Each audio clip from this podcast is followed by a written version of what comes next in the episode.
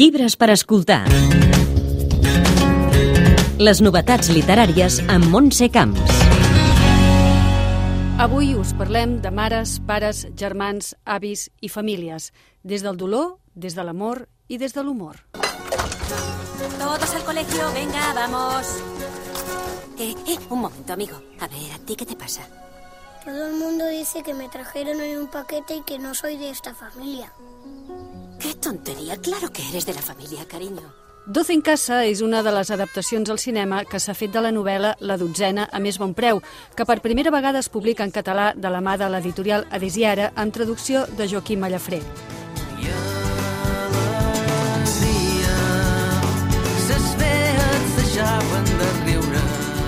Una delícia de llibre que van escriure el 1948 els germans Frank i Ernestine Gilbreth, dos dels 12 fills que van tenir un matrimoni d'enginyers, pioners, per cert, a l'estudi del rendiment dels treballadors i la gestió de recursos humans.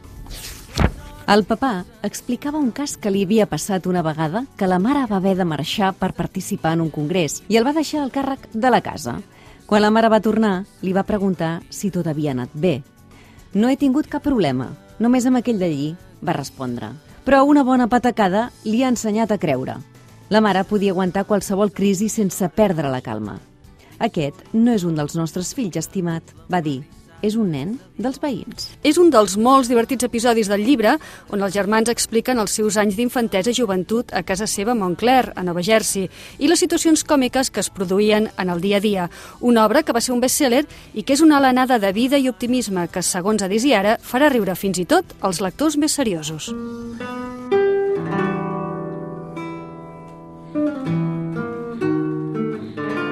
Canviem completament de registre. Les mares no, de l'escriptora basca Katisha Aguirre, és un cop de puny a l'estómac. Arrenca quan una mare ofega els seus nadons a la banyera. Una escriptora que acaba de ser mare i que coneixia la infanticida comença a investigar què hi ha darrere el crim.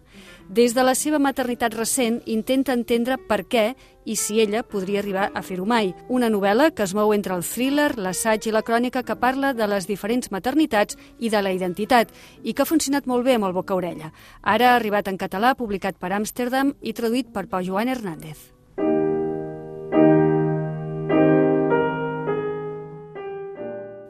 Els vells d'aquella nosa, publicat per Coma Negra, Cèlia Sánchez Mústic fa un elogi de la quarta edat i explica la seva experiència de molts anys al costat d'una mare i una àvia dependents.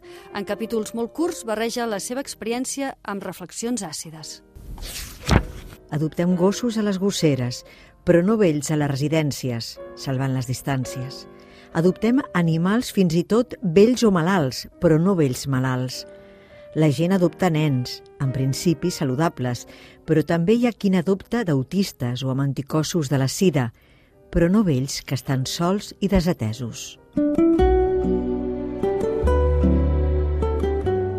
Mi hermano, del portuguès Alfonso Reis Cabral, és una novel·la que publica Cantilado que ens parla d'un professor universitari divorciat i misantrop que decideix fer-se càrrec del seu germà amb síndrome de Down quan moren els pares. Però no anirà com es pensava i s'ha d'enfrontar la complexa relació que l'uneix al germà. Un retrat commovedor sobre l'amor fraternal. I acabem aquesta ruta familiar amb 1980 de Juan Vilà, una reflexió sobre la família i el pes de la infància que publica Anagrama. L'escriptor té l'última paraula. Una família feliç és una conversa llarga que sempre sembla massa curta. André Morua. Llibres per escoltar. Les novetats literàries amb Montse Camps.